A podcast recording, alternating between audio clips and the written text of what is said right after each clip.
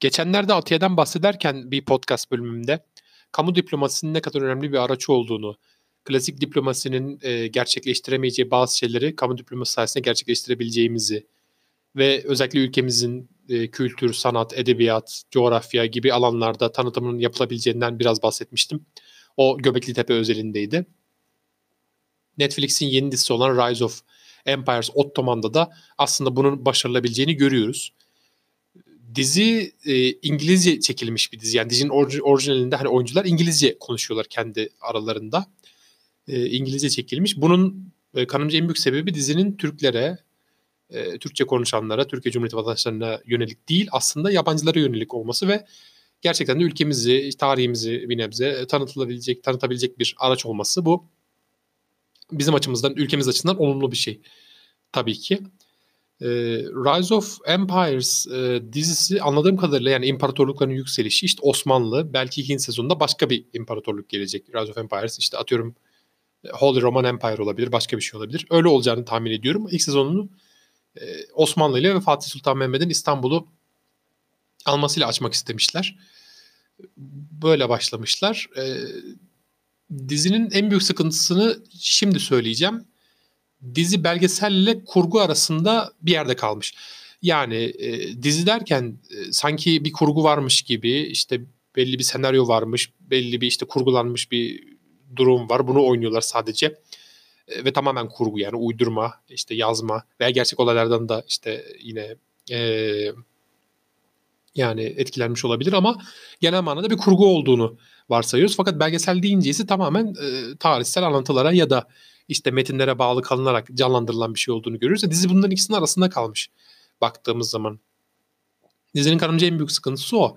Arada tarihçiler çıkıyor. Yani çoğunluğu tarihçi çıkanların. E, Celal Şengör'ün ne işi var açıkçası anlamadım. Celal Şengör e, benim çok saygı duyduğum bir insandır. Jeoloji alanında, sadece jeoloji alanında kendisine inanılmaz saygı duyarım zaten.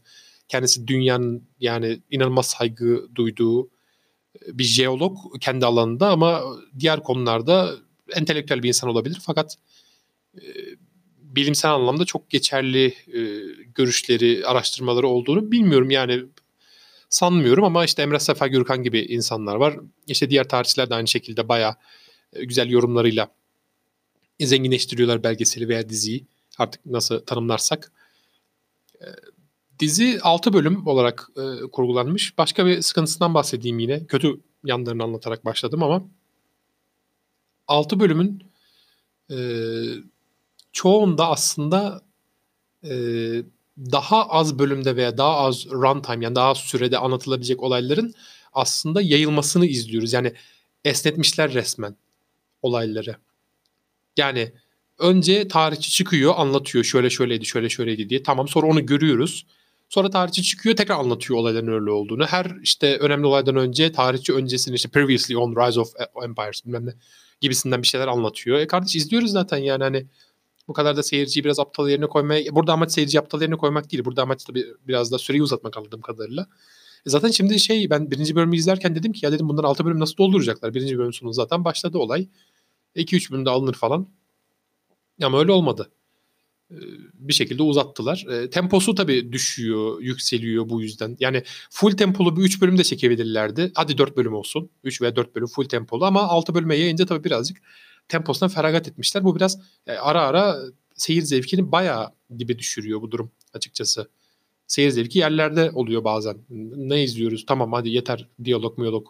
Sürekli 3 sahne geçiyor bir bakıyoruz Fatih Sultan Mehmet yerde yemek yiyor. işte bir şeyler içiyor falan. Üç sahne geçiyor tekrar yerde yemek yiyor. Adam birileri geliyor falan. Biraz da tempolu olabilir diye düşünüyorum. Onun dışında sevdiğim noktalara gelecek olursak dediğim gibi en başta ülkemizin tanıtımına ve tarihimizin tanıtımına güzel bir katkı. Bunun e, dışında objektifliği iyi yakalamışlar. Şimdi objektifliği böyle bir konuda, yakalamak ve hani genel manada objektifliği yakalamak çok zordur. Neden? Çünkü Türkiye çok milliyetçi bir ülke. Bunu olumlamak veya işte negatif bir şeymiş gibi söylemek istemiyorum ama bu tespit Türkiye milliyetçi bir ülke. Ee, yani uzun bir e, yani eski bir köklü bir tarihe sahip olması ve işte ulus devlet kurma e, aşamasındaki milliyetçi e, eğitim sisteminin diyelim yani milliyetçi bazı paradigmaların hala hani çok büyük oranda değişime uğramaması da bunların sebeplerindendir. E, milliyetçi bir ülkeyiz ve bu tür konularda herkesin bir fikri var muhakkak. Yani işte Fatih Sultan Mehmet olsun, İstanbul olsun, işte yine Kurtuluş Savaşı olsun, işte e, metanı olsun gibi bazı konularda bazı işte resmi tarih derslerinde gördüğümüz konularda herkesin fikri var ve herkes gerçekten çok korumacı davranabiliyor kendi e, tarihi veya işte Türklerin tarihi hakkında. O yüzden bu konuda objektifliği yakalamak çok zor. Yani bir tarafa en ufak bir şekilde kaydığınız zaman yani iki taraf var burada. Şimdi Osmanlı Devleti var, Fatih Sultan Mehmet var. Bir tarafta da Bizans var, işte İmparator Konstantin var.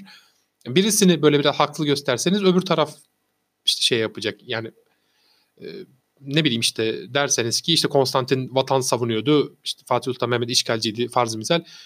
E, işte bizimkiler Türkler kalkacak ayağa. Ya kardeşim sen ne diyorsun ceddimize falan. Tam ter, tam tersini yapabilir. Bunu yani Fatih Sultan Mehmet çok haklıydı. İşte peygamberin e, müjdelediği bir komutan olarak işte İstanbul'u aldı falan diye bu sefer gaza gelecekler. Vay helal çok iyi falan ama o zaman da resmi tarihten çok fazla kurtulamamış olacaksınız.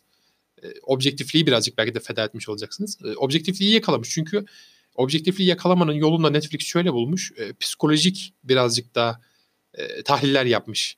E, çok derin değil tabii ki yani böyle bir belgeselde veya böyle bir dizide ne kadar yapılabilirse o kadar yapmışlar. Çok derin olmasa da e, Fatih Sultan Mehmet'in yine işte e, azmi, sonra çaresizliğe düşmesi, sonra tekrar azimli olması, işte e, taktiksel anlamda hangi kararları aldı falan. Öbür tarafta karşı tarafta e, kuşatılmış bir şehirdesiniz ve kuşatılmış düşman tarafından yine oradaki panik hali veya işte imparatorun soğukkanlılığını korumaya çalışması, savunmaya çalışması, yeni ta- ta- taktikler geliştirilmesi falan filan aralarındaki konuşmalar falan. Hani bence objektif objektifliği böylece iyi sağlamışlar. İki tarafı da şey yapmamışlar, kaymamışlar. Ben bu anlamda açıkçası iyi buldum, geçerli buldum, e, başarılı buldum. E, ama işte arada bazı belki romantizm kurgularının olması yine tempoyu düşüren biraz önce söylediğim tempo düşüyor diye dengesiz diye o olmasaymış belki iyi olurmuş şimdi e, onu düşündüm. E, başka bir durum yine e, şimdi konuşurken yine aklıma geldi. Akşemseddin'in olmaması. Şimdi Akşemseddin bizim resmi tarihimizden zaten bildiğimiz lise tarih derslerinden bildiğimiz Fatih Sultan Mehmet'in hocası olarak biliyoruz kendisini Akşemseddin'i. Ee, Akşemseddin'in yine işte Fatih Sultan Mehmet e, kuşatma sırasında umutsuzluğa düştüğünde bir rüya gördüğünü ve işte devam etmesi gerektiğini padişaha söylediğini biliyoruz resmi tarihimizde ve bunun üzerine işte Fatih Sultan Mehmet'in devam edip neticede aldığını İstanbul'u biliyoruz. Yani böyle bir en azından anlatı var. Buna hiç değinilmemiş garip bir şekilde. Adı bile geçmiyor Akşemseddin'in. Ee, onun aslında bizim resmi tarihten bildiğimiz rolü iki karakter arasında paylaştırılmış. Fatih Sultan Mehmet'in en yakındaki kişi veya işte onun hocası e, ya da işte mentoru diyebileceğimiz kişi Zanos, Zanos Paşa.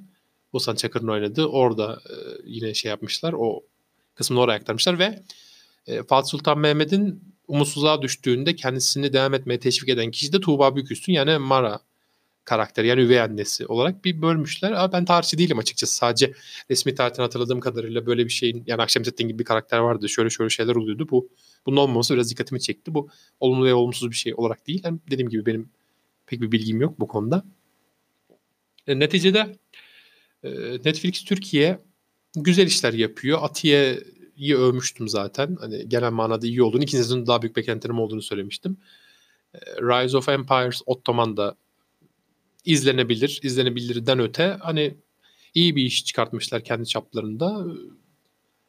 Yani 6 bölüm boyunca kendini izletiyor bir şekilde. Tempo biraz önce söylediğim gibi düşüp yükselse de. Ee, özellikle bu tür bir konuda objektiviteyi hemen hemen tutturmaları takdire şayan. Bölümün sonu.